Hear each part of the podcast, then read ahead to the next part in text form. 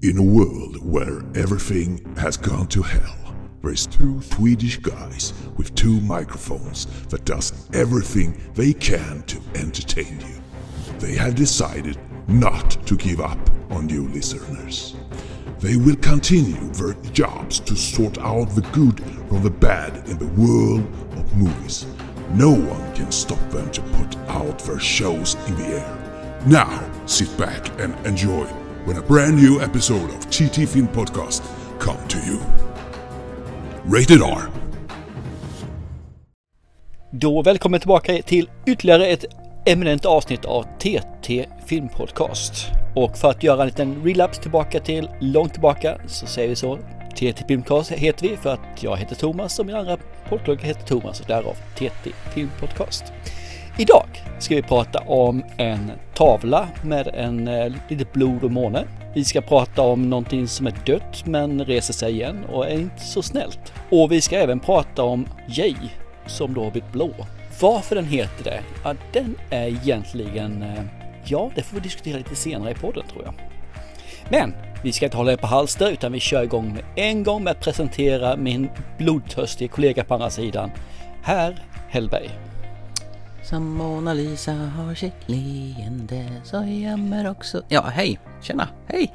Så blodtörstig du lät. Ja, visst gjorde jag. Det var den här äh, timida blodtörstiga typen som äh, bara visar sin bästa sida och sen helt plötsligt utan att du vet om det så kastar jag bara över sig medan jag har manipulerat dig maximalt och säger Men det är ingen fara, jag är snäll egentligen. Öppna dörren till mig, gör det nu!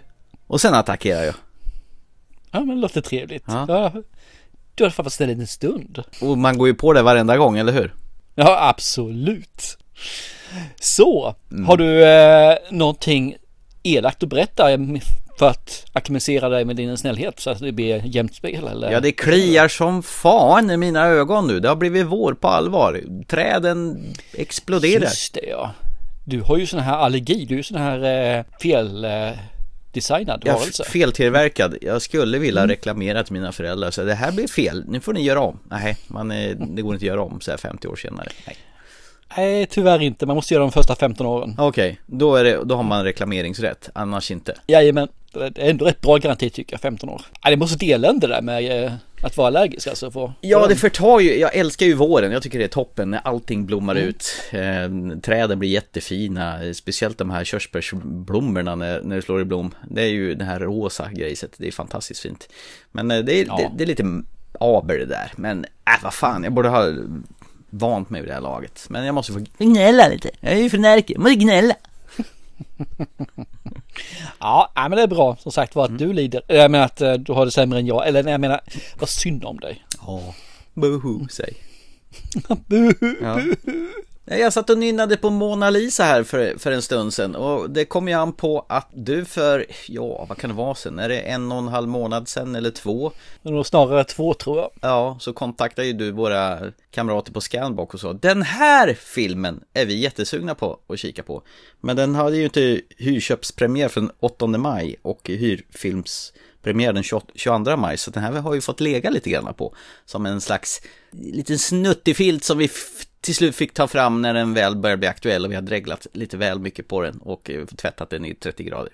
Den har fått marinera sig som ett vin alltså. Mm. Och när man öppnar upp den nu så efter nu de här veckorna som har legat till sig så vi ser är det nu ett fullt moget vin som blommar ut i munnen eller har det blivit ett sliskigt rödvinäger? Eh, Gammalt vin.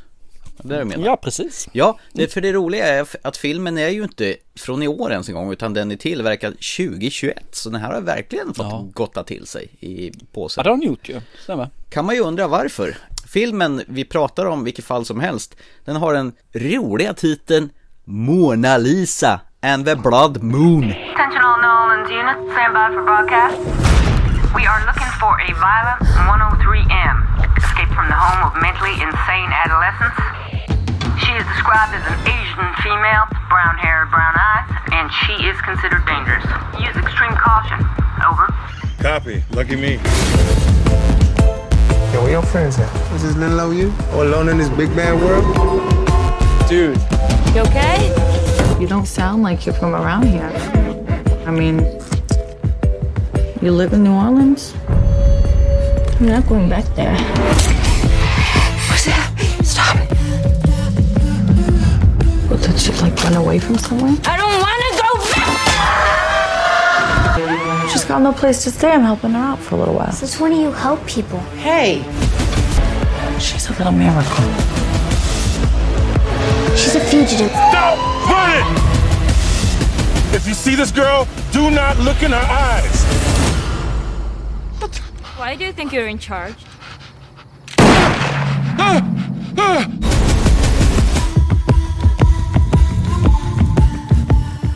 I knew something freaky was gonna happen tonight. It's a full moon. I like feel it in my ovaries. I swear to God. Eller Mona Lisa and the Blood Moon. Vilket lät tuffast? Den första lät nog mer faktiskt erkänna. Eh, regissören Anna Lili Amirpour, hon har gjort lite här skumma filmer. Hon gjorde en svartvit film som heter A Girl Walks Home eh, Alone at Night. Det är någon slags vampyr som kom 2014 med världens så här, knepigaste poster. Någonting. Såg du den någon gång? Nej, det har jag inte gjort. Nej. Såg du hennes The Bad Batch då? Den här, de här ute i öknen som gick direkt till Netflix tror jag gjorde. Med massa sjuka uh, hillbillies ute på vischan. Nej, jag tror inte jag sett den, det tror jag inte gjort. Inte. hennes trademark, det gör väldigt så här, konstnärliga filmer och det är ju mer eller mindre independent eh, filmer hon sysslar med. Eh, filmen har ju som sagt legat och göttat sig sedan 2021 men det har ju ändå dragits eh, namn eh, som Jeon Jong-Soo, hon, hon börjar liksom bli stor. Men framförallt att vi har Kate Hudson, Goldie Hawns dotter i en av huvudrollen. Ja, men precis. Ja. Men vad är det här då? Jo, man får först eh, träffa Mona Lisa Lee. Initial så vet vi inte vad hon heter. Hon sitter på Koko dårhus. Och eh, det kommer in en sjuksköterska och ska klippa naglarna på henne. Den scenen tycker jag var rätt äcklig. För att klippa naglar eller för Nej men sättet hon den här eh, sjuksköterskan eller vad man ska säga. hur hon beter sig? Ja. Ja, hon, hon är ju sadistisk deluxe. Och hon gillar att plåga de intagna märker man. Men hon får ju snart sina fiskar varma när, när man förstår att hon, Mona Lisa, besitter någon form av kraft. Genom att titta den, eh, sitt offer eller den hon pratar med i ögonen så kan hon få eh, henne att göra precis som hon vill. Så att om Mona Lisa sätter den här eh, saxen för att klippa naglarna i eh, den här sjuksköterskans eh, ben, då trycker hon minsann in den i benet. Eh, Och eh, vilket gör att Mona Lisa inte alls sugen på att sitta där på dårhuset utan hon flyr ut genom sin tvångsintagna cell och eh, förbi receptionen och ut i natten. Ja, hon är hungrig på cheese puff puffos, så här, någon slags ostkrokar som hon snor från en av killen som sitter i receptionen. Så går hon in i affär och, vi, och vill ha flera sådana här och hon har ju inga pengar och hon vet inte riktigt hur hon ska föra sig. Och så kommer det ett litet äckelpäckel, en sån här neo-gubbe som heter Fass, eller en kille, och köper om de här äh, cheese puffos åt henne. Men äh, betalningen det är ju att hon ska följa med honom i hans äh, neonblinkande bling-bling-bil och lite utbyte av lite vuxenmys. Där tolkar du nog in mer än vad jag gör faktiskt där. Jag gjorde det i början tänkte jag nog att det var vuxenmys var ute men jag tror inte det var riktigt det som var för han var inte påstridigt smack sen alltså. Så att, eh. Kanske inte, men jag tycker han var äcklig initialt. Man vet inte riktigt vad man har den där karln känner jag så här, så här långt. Men han har ett sätt också, ett scre- screen är det ju som eh, Faz. Och han har ju gjort bad guy till exempel i Deadpool. Och han är även, är han ju bad guy i ba- Alita Battle Angel. Han gillar att vara bad guy med andra ord. Ja, han har gjort i alla fall två stycken filmer som bad guy av de fyra som jag vet han har gjort. Och eh, han, han har ju ett utseende som gör att han spelar ju bad guy bra. Eller han passar som det. Men eh, jag tycker han passar rätt bra den här också. För han är ju, initiellt så får man lite sådär. Men att han sen visar en annan sida. Han är inte Ja, helt dum i huvudet. nej men han tar ju med henne upp till sin lägenhet och det är ju likadant där. Det går ju i samma stil som hans neonblinkande bil med så här konst, så här neonbelysning och grejer. Hela hans hem Det är hans grej. Ja, och han bjuder på stekt ägg med ketchup, gör han. Men eh, hon eh, tar sig därifrån och vidare genom natten där och så träffar hon den här strippan då, Bonnie Hunt som spelas av Kate Hudson. Hon håller på att få spö av en annan tjej utanför en eh, diner. Så får, får hon hjälp av eh, Mona Lisa där. Sen inser hon att hon har ju speciella färdigheter för hon, hon eh, visar ju vad hon kan där. Så tar hon med henne till sitt jobb, eh, där hon jobbar på en strippklubb eh, Kate Hudsons rollfigur av Bonnie. Och så inser han att hon, den här Mona Lisa, hon kan ju minsann hjälpa henne att skinna snåla killar på pengar som inte vill ge henne tillräckligt med, med sig dricks när hon står där och strippar där.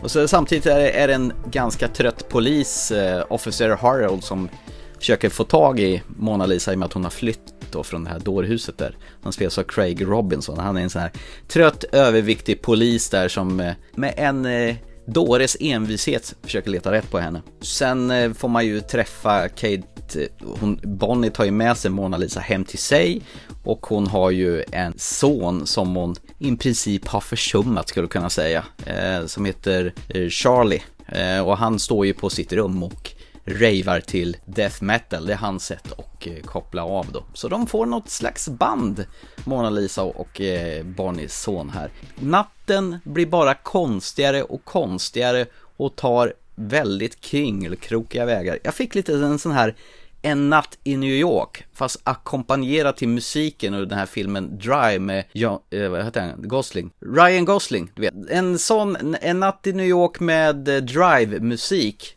men eh, med ett väldigt upppumpat soundtrack som egentligen gör sån här filmen andas den här neon 80-tals punkighet. Det, det är min spontana känsla på den här filmen. Eller vad säger du?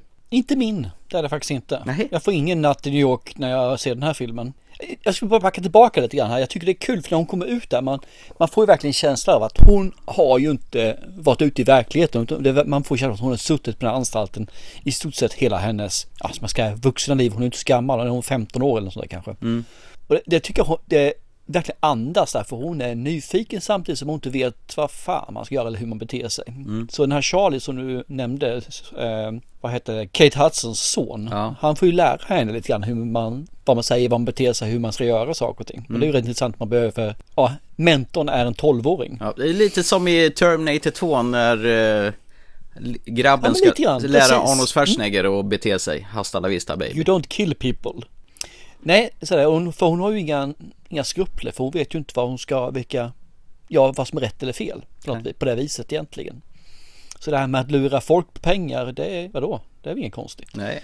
Initiellt får man ju den här, för, va? Kan inte ni göra samma sak som jag kan? Vad konstig ni är, typ. Jag tycker filmen är ju billig. Väldigt billig. Kan jag tänka mig, för det här är en låg produktion, låg budgetproduktion. Men jag tycker ändå att den har, eh, den gör det mesta av pengarna faktiskt.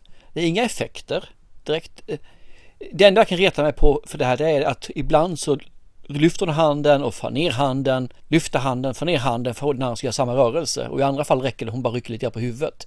Jag tycker där skulle de kanske vara lite konsekventa. Men eh, annars så eh, tycker de hon lyckas jättebra med det här och Kate Hudson spelar ju verkligen en egotrippad hustler-strippa ut i fingertopparna. Hon är ju verkligen mi, mi, mi. Fruktansvärt Hon- hon- osympatisk. Usch vilken hon, otäck hon, mamma hon är väl egentligen samhället idag om man skulle översätta henne. Tycker jag. Väldigt hård, väldigt egocentrad. Väldigt det här att jag behöver mer och jag förtjänar mer än vad jag egentligen har. Eh, hon spelar sliskig på ett jävligt sny- snyggt sätt. Ja, Jag tycker om Kate Hudson, jag tycker jag. Otäck, alltså relationen mor och dotter där. Det gör nästan lite ont att se på hur man känner att gud vad den här sonen är försummad av sin mamma. Ja men faktiskt. Eller, ja, Och så kom- försummade är nog rätt ord när jag tänker. Ja, och så kommer den här Mona Lisa in och blir någon slags stöd för den här sonen och inser att här är någon som bryr sig om mig helt plötsligt. Ja men exakt, de blir ju kompisar. Så att, eh, på, av, rätt, av rätt anledning kanske. Jag tycker om hennes t-shirt hon har på sig, Mona Lisa. Det står Rave to the Grave på hennes t-shirt. Den har ju, fått av eh, Ed Screen, hans, eh, vad heter fass. För han gav ju henne tröjan där med en gång ju. Det var ju första scenen. Jag är i början där, så han går ju runt utan tröja. Men d- alltså det, det jag tycker med den här filmen, den har en sån här skön vibe. Man gillar att vara den här världen som målas upp. Det är ju så här punkigt, skitigt och som sagt musiken är ju pricken över i som gör så att filmen andas på ett speciellt sätt. Jag, jag satt och mös till fullt. Jag tycker småkaraktärerna är de som gör filmen faktiskt. De här små människorna som hon träffar. Mötena i natten där. Så jag tycker det är fantastiskt trevligt. Eh, jag tycker om hennes sätt att spela. Jag tycker om det här liksom. Ja men det, det, det är en fin film där. Jag tycker faktiskt som en independent-film är det här faktiskt riktigt, riktigt bra. Och det är kul att det är så pass många stora skådespelare. Men det är ju ändå, Ed kanske inte är en stor, man har gjort en del stora produktioner. Mm. Tar vi Craig, eh, vad heter det, Robinson. Craig Robinson, han som är polisen, har ju också gjort en hel del liksom. Ja, man känner igen honom. Ja, men han har ju varit med i eh, This is the end bland annat, där jorden går under. Då är han sig Just det. själv givetvis. Det är alla ju. Just det. Han är med i Hot Tub Time Machine, både ett och två. Eh, Zack and Miri Makes a Porno är han också med i. Så det finns ju några så här som är lite, där han har lite större roll också i. I alla fall roller där han får agera och eh, prata och inte bara en som står vid sidan om och dricker en öl. Tänkte förresten på vad Kate Hudson börjar bli väldigt, väldigt, väldigt, väldigt, väldigt lik sin mamma Goldie Hawn.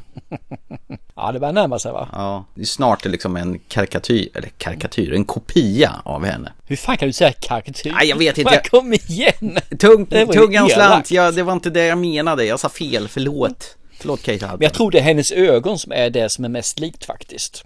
Ja, jag tycker nog hon, eh, hela hennes ansikte och sättet att vara, hennes väsen eh, ser ut som Goldie Hawn faktiskt. Lite förfinad variant av Goldie Hawn. Ja, okej. Ja, det får stå för dig där. Eh, Jag är inte riktigt med på den. Väldigt våldsam bitvis. En bit in, in i filmen så är det ju en scen där mamman Katie Hudson, Bonnie Hunt, blev överfallen av ett gäng killar och där nästan blev jag wow, nu, det här var väl lite väl magstarkt men de tog i ända från tårna. Det blev, eh, det var nästan så att jag, jag hukade där i soffan. Oj, ja, du var nog känslig då tror jag. Ett känsligt kapitel, satan. Ja, men det, visst var det lite våld? Men Nej men det här var ju frisk fläkt. Nej, Det här var inte alls dumt. Jag gillade det. Och det, ja, det första jag ville göra när filmen var slut, det var att leta på soundtracket på Spotify. För rackarns vilken skön musik det är genom, genomgående den här filmen.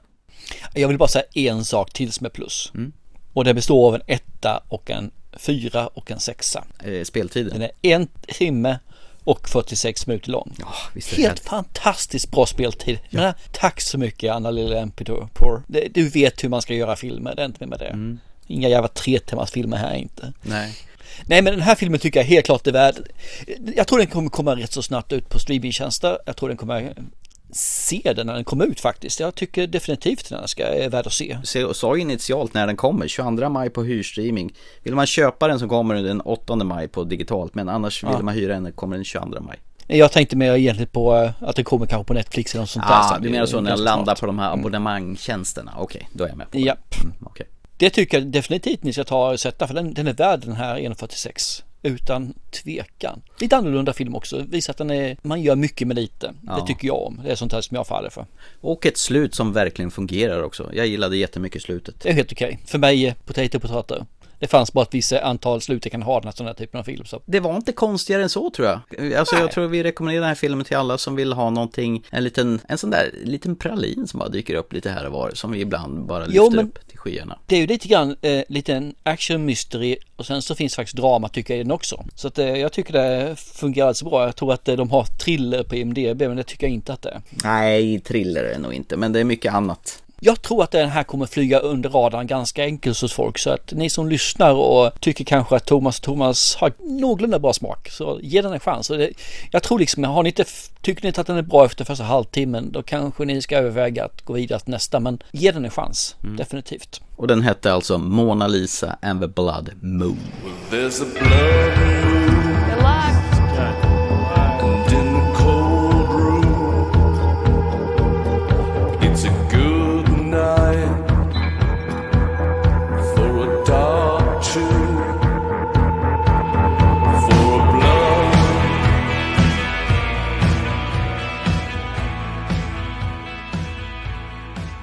Ha, ska vi gå vidare till någonting eh, ännu blodigare än en blodig måne? Där det har gått åt eh, ungefär 6,5 kubik eh, blod i filmen. Mm, ja, det snålas inte på alls på den fronten när vi nu ska återuppliva den fantastiska franchisen Evil Dead. Där i det här fallet har Bruce Campbell och Sam Raimi producerat spektaklet när Lynn Croning regisserar Evil Dead Rise. What's up, sis? I had the most beautiful dream. It was the perfect day. And all I could think about was how much I wanted to cut you all open and then climb inside your bodies. so that we could stay one happy family. What is this, Danny? fin 2.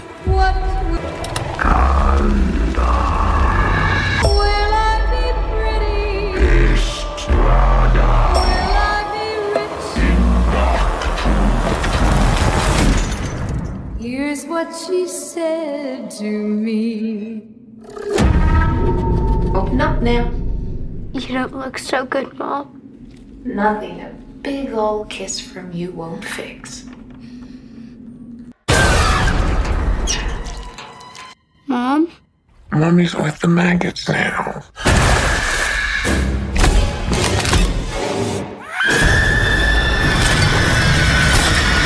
What will be, will be.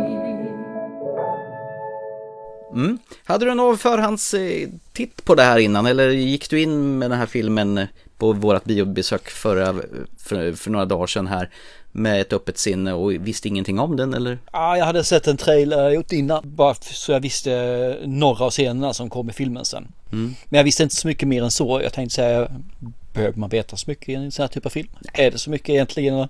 Det är inte så att den kommer stå som eh, drama den här direkt. Nej, jag tycker det räcker med att se posten med mammans besatta flin där hon håller om sina tre barn in till sin barm och ser fruktansvärt besatt ut. Det är inte, det är helt okej. Så ma- var min vän, vad eh, får vi när Evil Dead flyttar från den lilla stugan ute i skogen in till ett fallfärdigt hyreshus mitt inne i stan? Ja, där får vi ju träffa en ensamstående mamma som håller på med tatueringar får man en liten hint på. Och ska då med sin bror med sina tre barn. Nu ska vi se om jag kommer ihåg dem. Bridget, Cassie och Danny. Mm. Där får hon även besök av sin eh, syster Beth. De flyttar därifrån för att det är väl rivningsfärdigt det där kåken om man säger så. Pappan till barnen har väl, ja han är ute i bilden om vi säger så i alla fall. Och när de ska köpa pizza barnen för det är de andra syskonen eller så här, de stora vuxna ville prata om någonting som sagt så skickar de ut dem att äta pizza för det kan ju vara jättebra. Så när de kommer tillbaka så blir det en jordbävning. Och där hittar de ett hål i marken som leder ner till ett bankvalv eller något liknande. Och, och gissa vad man hittar där för någonting? Jo, man hittar en liten konstig bok som är gjord av människohud och allting som är skrivet i det är etsat i blod.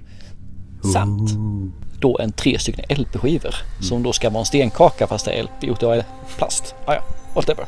Vinyl 1913, den är bra. Ja, precis. Den är riktigt fin. Givetvis, enligt alla reglerna som finns när man ser Evil Dead så är det någon som läser ur den här boken.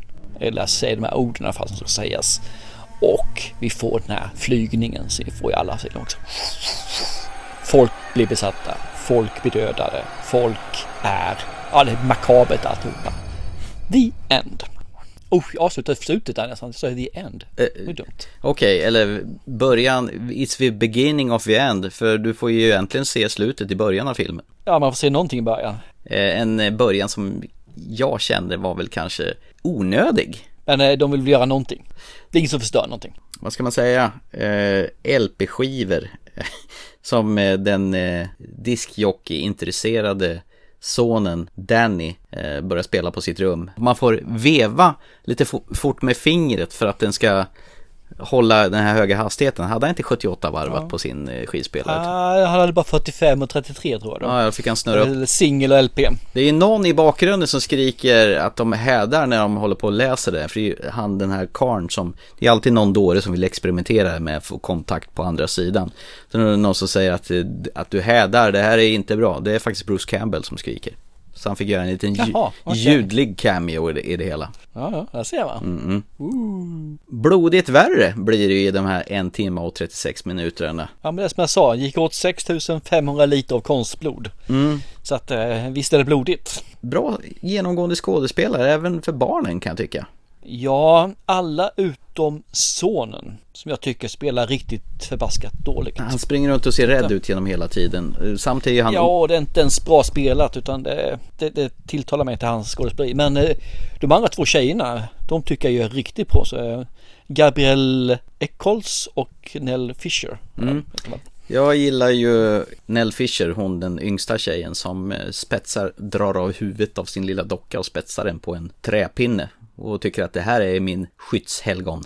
Och jag som tycker bättre om Gabrielle Eccles i sådana fall då, det var, henne, var min favorit. Okej, okay, hon korthåriga tjejen. ja, jag tyckte om hennes, hur hon spelar trumpen tonåring som eh, då ska ut och demonstrera för att hon behöver ha en eh, svart t-shirt som då inte är ren. Och mamman som gör allt för att dra om. Man märker verkligen hur mamman känns trött och det är inte lätt att ha tre barn och vara ensamstående där i. Samtidigt som ett fallfärdigt hus. Och så kommer syrran dit och dras med sina Med egna... sina problem ja. Ja, sina problem och tycker att stora syrran, hon har ju sett upp till henne över hela sitt liv så att eh, det är klart att hon ska få hjälpa henne med sina problem också. Men som sagt, de får ju lite andra problem när den lilla dumhuvudet till son ställer till det så att den lilla familjesituationen kommer väl aldrig bli densamma igen efter detta. Nej, inte någon Nej. gång. Nej men jag, jag tyckte här, den här är 1,46 lång eller sånt där va? Nej, 1,36 till och med. 36 var det, inte 46. Okay. Mm. Jag tycker inledningen är jävligt stark i den här. Alltså. Jag, jag känner att nu jävlar, nu tar det fart. Men jag är tyvärr lite för gammal känner jag, för jag orkar inte hålla igång en och en halv timme där det är fullt ös medvetslös utan att det någon gång landar och man bygger fall lite grann dialog, lite grann eh, karaktär, lite grann när man kanske får folk att börja fundera på saker och ting utan det är nu kommer de, nu kommer det igen, nu händer det igen, nu mer, mer, mer, mer, mer, mer. Så jag känner att jag blir lite mätt på det, på det här demoneriet om man ska kalla det det. Jaha, det tycker jag är lite synd för att filmen är välproducerad. Jag tycker hur de gör de här demonerna är jävligt nice. Mm. Jag tycker det är kul med det här just att de inte är bara demoner så här utan det är verkligen att det finns en dialog också samtidigt. De, de petar på dem liksom emotionellt. Mm, karaktärer i demonerna. Ja men faktiskt, och det är liksom inte bara brain, du ska dö, utan det finns lite grann att du är bara en jävla flata ju, så vad, vad, vad kallar hon henne för, henne för någonting? Eh, groupie, Groupie-hora. något sånt. hora, ja något sånt där, Ja. en slatt var det väl. Ja, Jag tycker det är lite småkul att det kommer lite sådana saker också de använder liksom. Men, men det blir lite för mycket, det är som att äta en marsipantårta och sen köra några Mozart kul efteråt. Det blir lite sliskigt. Nu låter du väldigt gammal va? Hörru.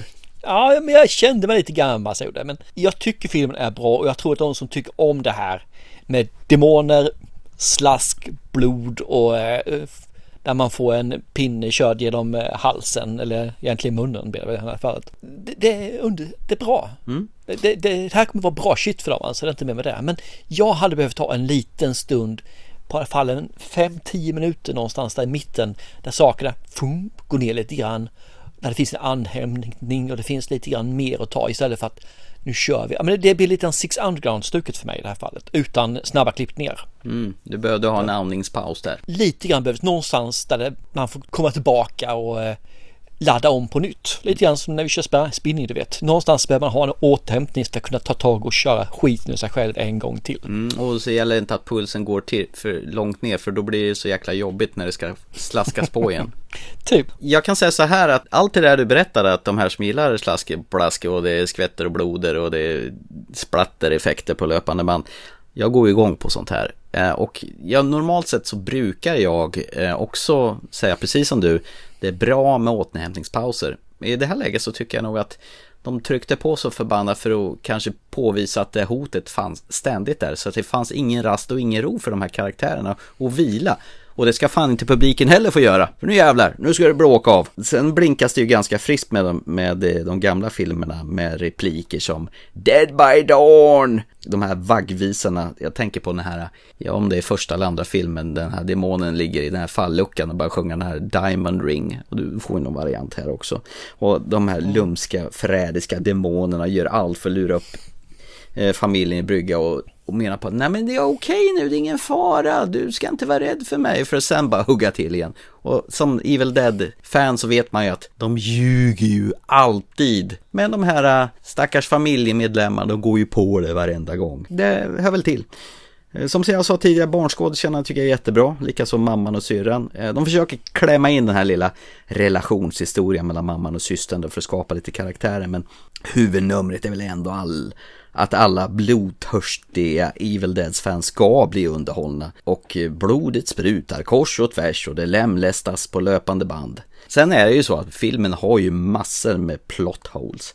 saker och ting som, eh, hur tänkte de här nu? Tänker inte gå in på vad, men man kan ju störa sig på det och dissekera ner sånt här i, i små partiklar. Men man får när man tittar på en sån här film lägga all logik åt sidan. Ja men det sa vi lite, vi diskuterade lite grann, när vi gick från bion så diskuterade vi det lite grann, just de här plot som fanns där och det var ju rätt så många och grova saker. Men spelar ingen roll, det, det, det är inte den typen av filmerna. Ser du det så kan du välja, antingen så blir du irriterad på det och sen så kommer du sitta och gnaga dig resten av filmen. Mm. Eller så säger du, ja så är det och sen skrattar du och går vidare i filmen. Och jag försöker nog göra det senare för det är ingen mening att låta det här eh, förstöra en film för det är inte den typen av film. Grejen är, jag hade ju köpt både godis och läsk, men jag kom av mig totalt i att äta det. Jag, jag, Ja, du blev så äcklad så du kunde inte ens äta det. Det var ju helt fantastiskt. nej, så. jag äcklad på ett bra vis, så jag satt och mös av äckel. Så att jag, jag kom inte för att äta det snasket, så jag hade med mig det hem. Men det enda eh, nageln i ögat, det var väl det tonårspacket som, som satt bakom oss som vanligt, som störde och inte kunde hålla tyst. Fast jag tyckte det, det var helt okej så sett. Det var inte så farligt. Det- De, de levde sig in i filmen och det kunde jag köpa. För det, det, det är, även om det kan vara störande för oss så är det okej att göra det på det här viset. Det var inte så att de satt och pratade om annat jiddrade utan det var ju det när det var hemskt så kommenterade de det och de skrek för att de blev skrämda. Låt det vara. Du blir inte skrämd, jag blir inte skrämd. Men de var lite 14-åringar, kommer de inte sett eh, en tiondel av de filmer vi har sett. Men Jag tyckte synd om de här äldre killarna som vi pratade med efteråt, för de satt ju bredvid två tonårsgäng. Ja. Och jag sa det, stördes inte ni av det? För att vi hörde dem då och då, men volymen var ju ganska hög, så att det drunknar ju när det väl brann till. Bara, jo, visst gjorde man, men man är ju så svensk så man säger inte till, säger de då. Å andra sidan, jag tyckte mest synd om det i början, men sen funderade lite grann. Sätter du det längst bak i mitten, då får du fan inte skylla dig själv, för där sitter alltid fjortisarna. Så du får sätta dig i mitten, mitten i sådana fall, och salongen så slipper du dem. Så, att, eh, så, synd tyckte jag inte om dem efter i alla fall. Jag tycker ändå så att man kan visa hänsyn till andra och inte bara tänka på sig själv och tro att man är ensam i hela världen. Fast, fast i det här fallet tyckte jag att det, det var okej, för men, de blir rädda av filmen. Då måste man ju få kunna ge utlopp för det, det tycker jag. Nej, Så att, eh, nej, man får inte leva sig in i filmen. jo det får man göra, men du kan göra inom, invärtes, inombords kan du sitta och skrika. nej nu, nu tycker jag du, du eh, säger alla måste bete sig som du. Nej, jag håller inte med dig ett smack. Jag kan reta mig på det så jag kan göra definitivt. Men när man går därifrån och börjar fundera så tycker jag att man måste kunna acceptera att folk är olika. De har inte sett några skräckfilmer kanske och blir skiträdda av den här. Det är klart de säger för någonting. Det är samma sak att åka en berg och. Ska man inte få skrika där heller? Jo, men det är klart, men då skriker man ju kollektivt. Det är ju, då, då stör man ju inte. Ja, hade du skrikit också så hade det blivit kollektivt här med. Så att, eh, jag, jag håller inte med dig där faktiskt, för jag tycker att de har rätt att bli rädda och göra utlopp för det. Det tycker jag. Sen så kan jag förstå irritationen för de som sitter där bak. Absolut kan jag också göra, men man får ha en viss förståelse. Så länge man inte pratar i filmen om vad man ska göra i veckan så tycker jag det kan vara okej. Tror du att de hade gjort en liten hommage till Stanley Kubrick i den filmen också? Ja, det finns väl en sån va? Mm, jag tror det också. Så tolkar jag det åtminstone. Ja, det var ganska uppenbart i mina ögon och det var väldigt snyggt gjort. Det fast den här gången var det nog rätt så mycket CGI. Istället för att göra det med Ja. riktigt blod eller riktigt konstgjort blod eller vad fan de hade för någonting i Stanley Kubrick-filmen. Det jag blev lite imponerad av faktiskt, de, de har ju faktiskt vad heter, filmat den här i helt kronologisk ordning. Ja, ja, i ordning ja. Och det tycker jag är jävligt starkt gjort, för det Mm. brukar man inte kunna göra. Men eh, antagligen så har man kunnat göra det på grund av att förvandlingen blivit successivt också, så att då kanske det bara att lägga på lite grann, Från till extra. normalt till grisigare, grisigare, grisigare. Och jävla vilken flin hon har. Den här Alicia Sutherland som spelar mamma Ellie. ja, fy fan. Mm. Ja, det är kul. Ja, hon får ju jokern att blekna. Men det jag tänkte på med den här filmen, det är sällan att man får se våld mot barn i filmer, men den här filmen sket ju totalt i allt sånt. Här får ungarna stå ut med mycket skit i den här filmen. Fast vad hade du väntat dig? Det, det handlar ju mer eller mindre om två vuxna, tre barn. Jo, i och för sig. Och lite grannar också. Ja, det kommer några sådana också, det Mm. stämmer. Ja. Nej men eh, jag tyckte om det här. Det här var mums. Det här var faktiskt en eh, frisk uppdatering på Evil Dead-franchisen. Det gjorde mig faktiskt sugen på att se om de gamla filmerna också. Faktiskt och återuppta den här Evil Dead-serien, Ash vs. Evil Dead, som är också rätt trevlig. Eh, lite kuriosa här också. Den här var egentligen tänkt att direkt gå till HBO Max. Men så visade den sig att de fick så väldigt bra betyg i eh, screeningtesterna. Så de säger att vi skickar ut den här på eh, film istället på vad heter, biograf. Och det tycker jag är kul att de kan göra en sån statement. Nej men det här gick bra, nu testar vi biografen så kanske fler kan få upp ögonen för den. Ja, det tycker jag var helt rätt gjort. Det är ju Warner och New Line Cinema som har producerat den här och New Line Cinema var faktiskt de som stod för själva distributionen en gång i tiden när det begav sig för Renaissance Film, alltså det vill säga Sam Raimis filmbolag. Nej men bra skit, det var blodigaste film jag har sett i år tror jag, hittills. Jag tror det är svår, svårtoppad i antal liter blod per minut. Än eh, den här. Precis. Men lite småkul, för jag vet, du kommer ihåg den här förra Evil Dead-filmen som var en remake på eh, den gamla originalet. Ja. Där har man ju folket som, som, är, lev, eh, som är, är med i filmen. Om man tar deras förnamn så kan man bilda namn eller ordet demon där. Det kommer jag ihåg sen jag såg den filmen. Just det är sånt där mitt nyttigt vetande som jag alltid kommer ihåg. Ja. I den här filmen så hade man huset de bodde i som var Monde.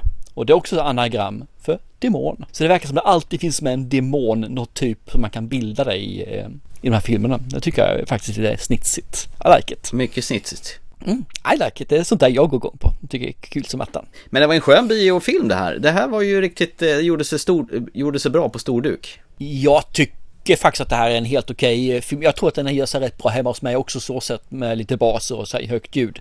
Papa Men Boys. definitivt det här, se den här tillsammans när det är åtminstone halvfullt i salongen så kommer det här vara skitkul alltså. Det tror jag. Du kommer berätta dig gallfeber på alla som skriker men jag skulle tycka det var jätteskoj. Du vill ha en fullsatt salong där alla skriker i kör. Ja men det, jag tycker det förhöjer lite grann när folk, eh, när folk ger uttryck för sina känslor på, på bion. Man ska inte snacka och tjata sönder en film. Men om folk skrattar eller man skriker eller gör någonting i samband med någonting händer så tycker jag det är jävligt nice. För det är därför som jag går på bio för man ska få höja upp filmen. Och att höja upp till filmen det gör man inte idag för att jag får bättre bild, bättre ljud utan det får jag för att jag ser det tillsammans med fler människor än vad jag gör hemma. Så jag tycker det är fantastiskt bra.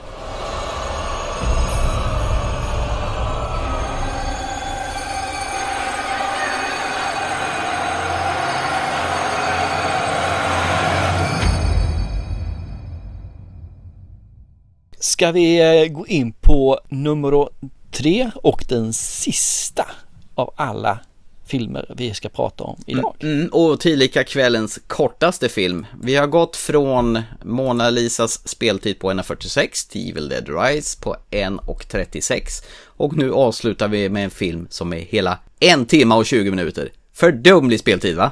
Alltså är inte det lite Mark Duplass också? Han kör ganska korta filmer. Jo, det är väl så. Jag tänker på de här Creep 1 och 2, de var väl inte heller superlånga. De har Nej men precis. Eh, Mark Duplass, eh, en, en favo i våra ögon tror jag, som vi har upptäckt så här lite på de här, ända sedan vi såg den här Safety Not Guaranteed. Jag tycker att han är bättre som eh, att skriva manus eller vad man ska säga för något i den här filmen, än som skådespelare. Men han är bra som skådespelare också, men han är nog ännu bättre som writer. Så han är. Ja, du gillar ju honom i Paddleton, vad jag vill minnas. Ja, definitivt. Ja, eh, där var han ju suverän.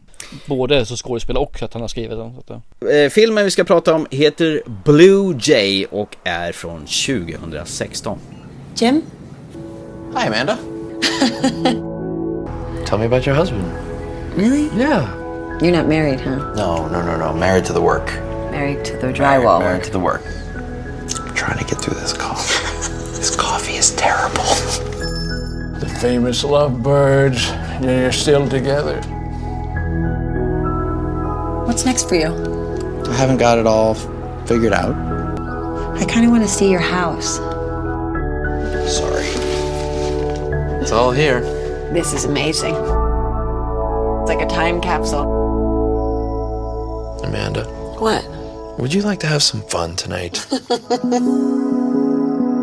Honey, I'm home. Hi, sweetheart. Look at this meal. You made all this? No. She jealous. She jealous. She jealous. Never really been like it was with us. It's almost like I don't know who that person was. I remember her really well. Things are just kind of changing now. I should be happy. Do you trust me? Well, now I'm scared. What are you going to do? We weren't very cool. No, we were deeply uncool.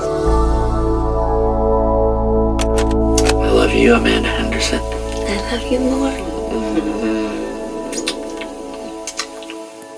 How was work for you? Det här är en film som eh, jag egentligen, eller som jag tvingade på oss, både dig och mig. Eh, det är ett uppdrag som min arbetskamrat har ungefär tryckt på mig i två år. Jag tänkte, ja, ja, jag kommer aldrig se den här filmen om vi inte tar upp den i podden. Så nu ska, ska vi, har vi sett den båda två. Det roliga var att när du skickade ett sms till mig i morse, vi spelar ju in på söndagar och så fick du, nu har jag sett den. Och bara, ja, men det har ju inte jag gjort. Vänta nu, det är söndag och jag har inte sett den här. Men vad i... Så det var bara liksom att slänga på filmen och klämma av Oh, den här. vad synd att han skickade sms. Det var jättesynd. Han skrev blivit helt kul hade kunnat bli nu ikväll ju. Herregud, jag ger oss ett uppdrag och så ser jag inte filmen. Hur skulle det se ut? Precis. Ja.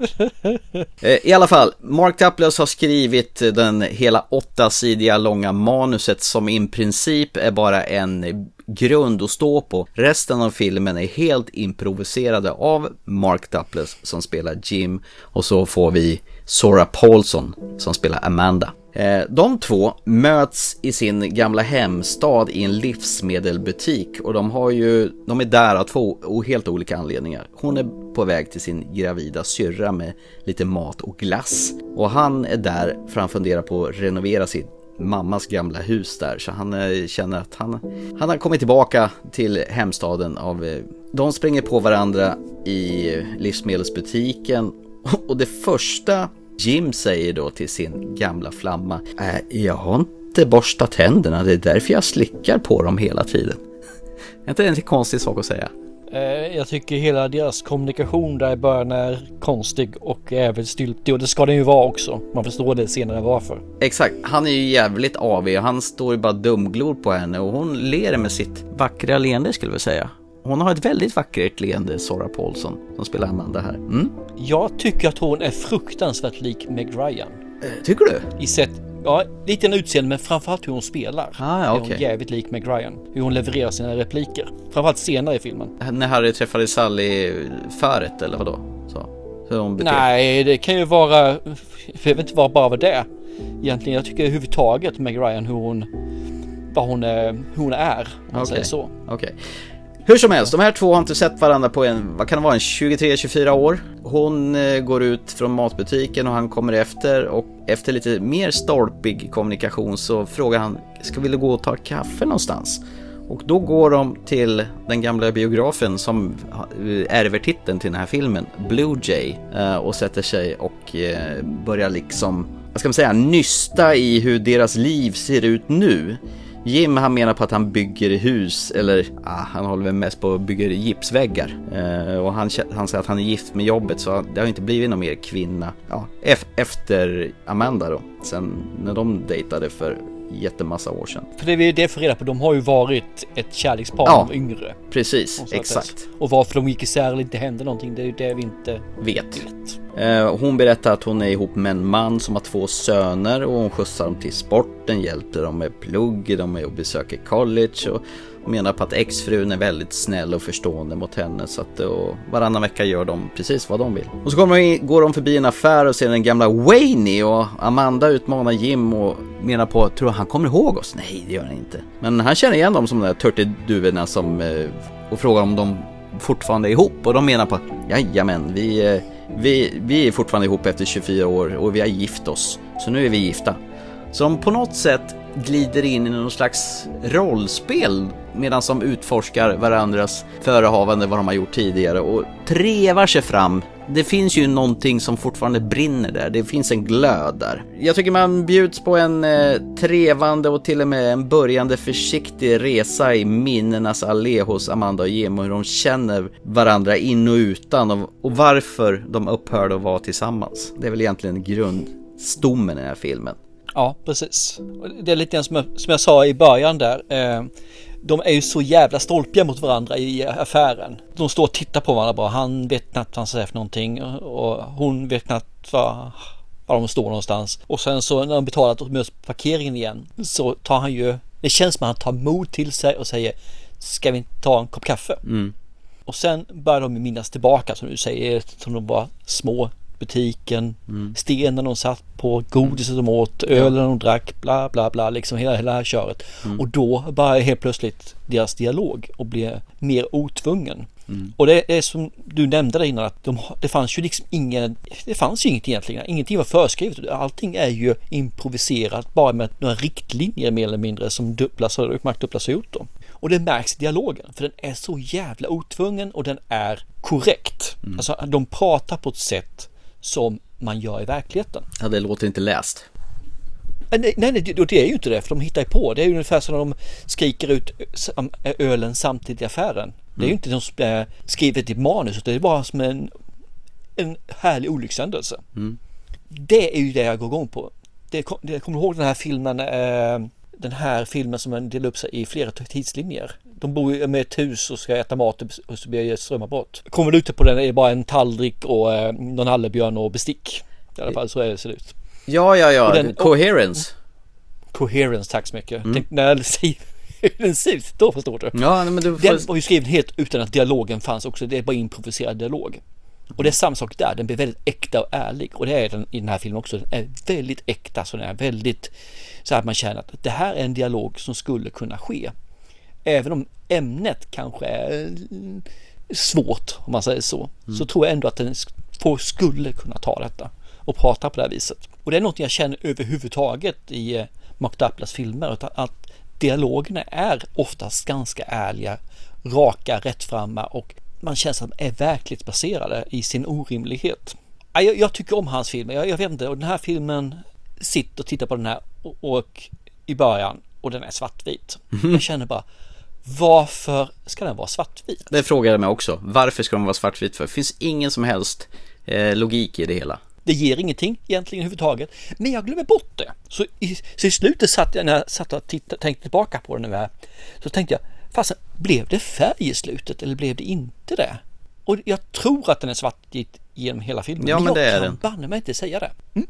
Bra, för jag, jag tänkte inte på det och det måste vara ett jättebra betyg för jag har aldrig förstått det här med svartvitt. Vi har färg, varför ska vi gå tillbaka till svartvitt? Det är som vi ska göra en film som är stumfilm. Ja, det har vi gjort visserligen. Men varför? Men det, det är bara så... Mm. Det ger mig ingenting på det här viset. Men filmen är superbra. Jag verkligen älskar den här filmen. Det, det här är ju en teaterstycke. Det kunde likväl gjorts på en scen där man gör det med kanske tre stycken kulisser. Det skulle vara lika bra och skulle ge samma effekt på mig också. Bitvis känner jag liksom att okej, okay, vart tar den vägen nu någonstans? Men det försvinner så snabbt som det gör och så, så grips man tag in i dialogen och deras personer egentligen. Hennes resa i filmen från att hon är den hon är till att mellansteg och hans resa med filmen med mellansteg som talar om vem han är, var han står någonstans och hur de beter sig, varför de gör det här. Och sen då man får reda på vad är det egentligen som har drivit dem ihop och det som drev dem isär så att de då inte gick vidare, att de gjorde slut. Mm. Och det är, ja, jag, eh, jag tyckte om det här.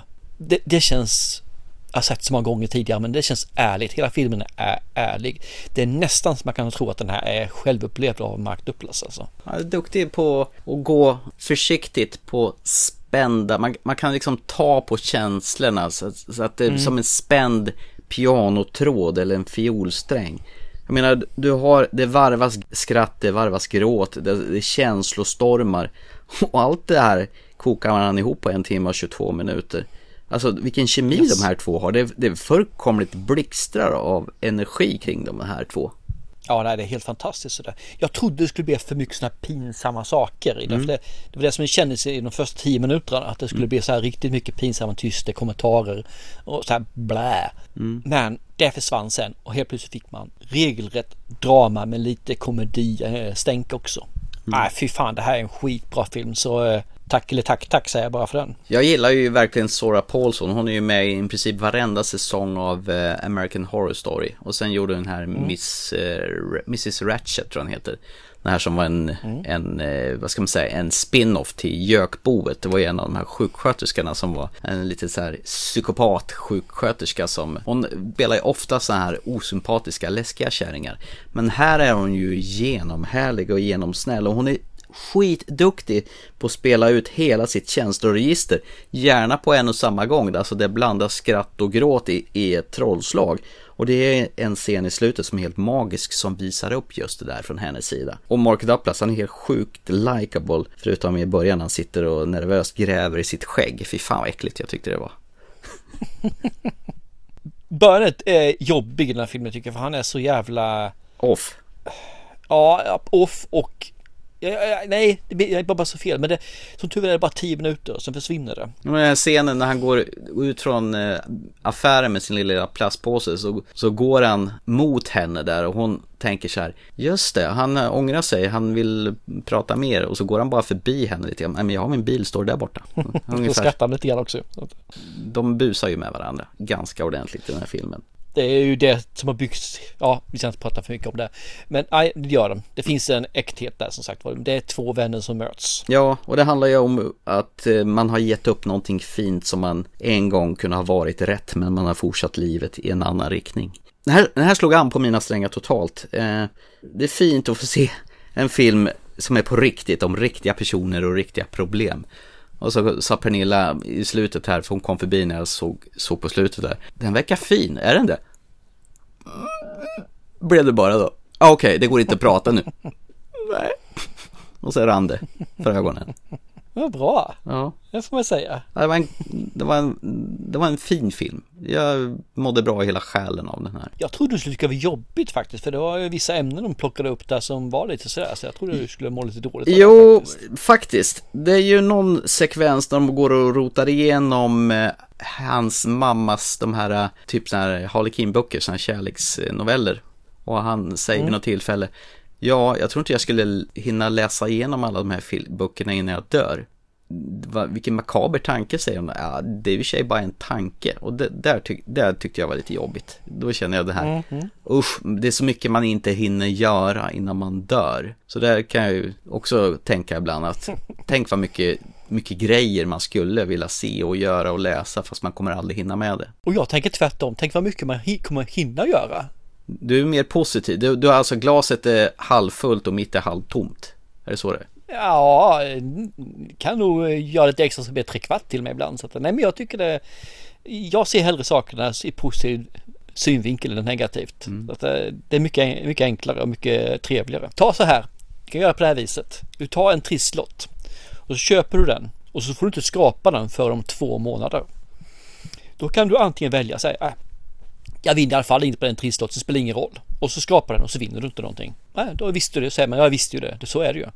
Eller så tar du den här trisslotten och säger, fasen, här kanske jag är miljonär. Och så går du två månader och tänker att jag är nog miljonär. Jag kan vara miljonär alltså. Och så skrapar den och så blir det ingenting. Och så säger du, nej, det, det vart, jag vann ingenting. Men då har du gått i två månader och varit glad att du har kunnat vara miljonär istället för att, äh, jag vinner i alla fall ingenting. Det är det jag menar kan vara det positiva. Jag har inte annan utslagskraft än någon annan. Jag vinner inte ofta något sånt där. Men under tiden jag väntar så kan jag vara glad för det. Vilken livsfilosofisk coach du är. Det är ju helt fantastiskt. Nu mår jag helt plötsligt ja. lite bättre igen. Tack ska du ha. Ja, du ser, jag, jag tar inget betalt heller för det. Säger nu ja. Sen efter vi stängt av podden, då, det, då fakturan dimper in va? ja, givetvis. Ja. Jag tycker lite småkul sådär trivia bara för att hoppa till, eh, tillbaka till filmen. Ja. Den här filmen gick ju direkt till Netflix, eller Netflix finansierade den. Mm. Och när jag läste på lite grann så står det, och de köpte rättigheten till den här filmen utan ens läsa manuset. Mm. Och jag bara, Ja, vad konstigt. Det fanns ju inget manus. Nej, precis. Exakt. Ja, men då kan vi återigen säga att Mark Duplass har lyckats med sitt produktionsbolag och eh, sälja in bra filmer till Netflix. Eller återigen, den här filmen har ju några år på nacken. Och jag får väl tacka min arbetskamrat Gustav som enträget envist tjatat på mig att det här är en film som du borde se. Så att ja, nu har vi gjort det. Filmen är från 2016 och heter Blue Jay. Och vi rekommenderar alla som vill ha lite myspys, ni som är olyckligt kära, ni som är kära, ni som har brustna hjärtan eller ni som är fantastisk, eh, känner, mår bra. Det här är en film för alla. Ja, och det, det, gör ju bara att jag blir mer och mer sugen på att se mer av Mark Duplass alltså. Mm. Så att eh, man får nog ta tag i sig själva nu och verkligen se på fler filmer som han har skrivit. Så. Korrekt. Ha! Ja, jag har inget mer att säga men att jag eh, tackar din kollega. Jag tackar också min kollega. Eh, trevligt, mycket bra.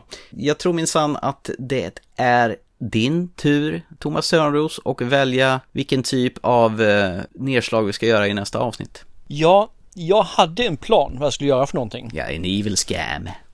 Mm. Grundsprålet. Sen så tog den här en liten sväng. För jag, det, jag har också en kollega som har rekommenderat film till mig. Mm. Och han har gjort det här nu i, ja det är väl ett år sedan drygt som han rekommenderade den här filmen. Så den här är bra. Mm. Den här, den ska du se.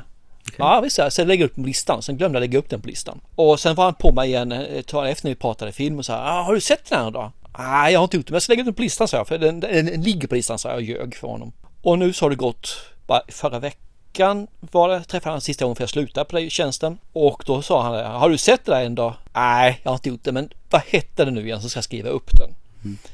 Så att nu ska vi se ytterligare en Netflix-film. Eller i alla fall ligger på Netflix. Den hette Mestari Cheng. Cheng. Vad sa du den hette? Cheng. Mestari Cheng. Det låter som någon icke-amerikansk film. Nej, den är eh, engelskspråkig men den handlar just om eh, en asiatisk kille som ska lära ut asiatisk mat till ett icke-asiatiskt kök om man säger så. Aha, okej. Okay. Mästare Cheng. Det ska vara en riktigt mysig film, det ska vara en så här feelgood film som man säger. Liksom inget så här som man säger kanske kommer vinna några större priser. Men han sa jag känner att jag är glad och tillfreds när jag ser filmen. Mm -hmm. Och så här, men sådana filmer tycker jag om. Så nu ska vi göra den. Så jag frångår det jag tänkte ge, vilket var något riktigt förbaskat elakt till dig. Och så ger jag något snällt nu och gulligt istället. Där vi båda får se den här. Så det blir en, en utmaning till oss båda. Jag är så tråkig på det viset, men så blir det tyvärr. Du, du snodde min idé där och gjorde likadant alltså? Ja, och du har ju snott min innan dess. Så att det äh, kommer inte, inte på att du är unik nu på det något vis här inte. Nej, nej, nej. nej. Så med att vi båda är två typer av gamla gubbar som är copycats med andra ord?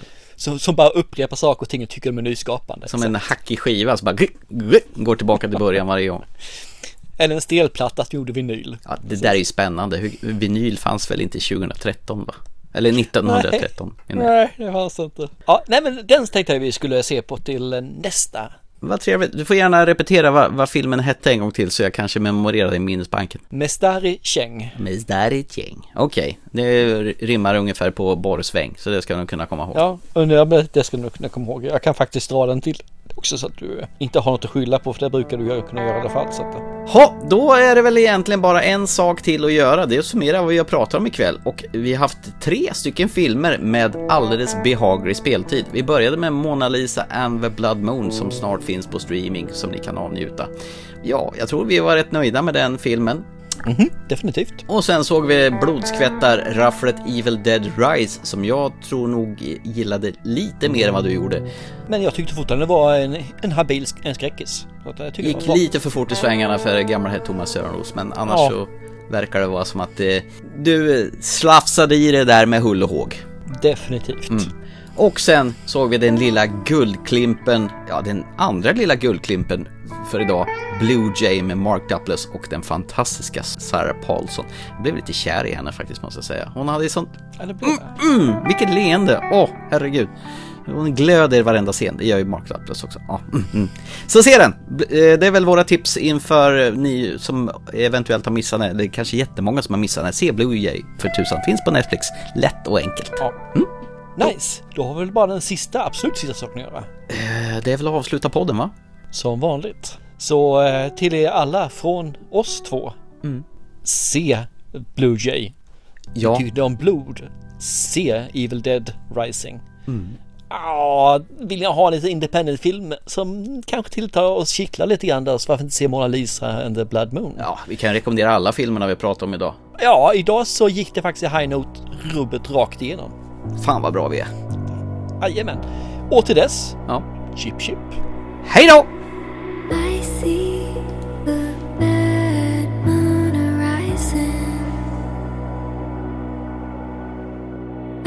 see trouble home.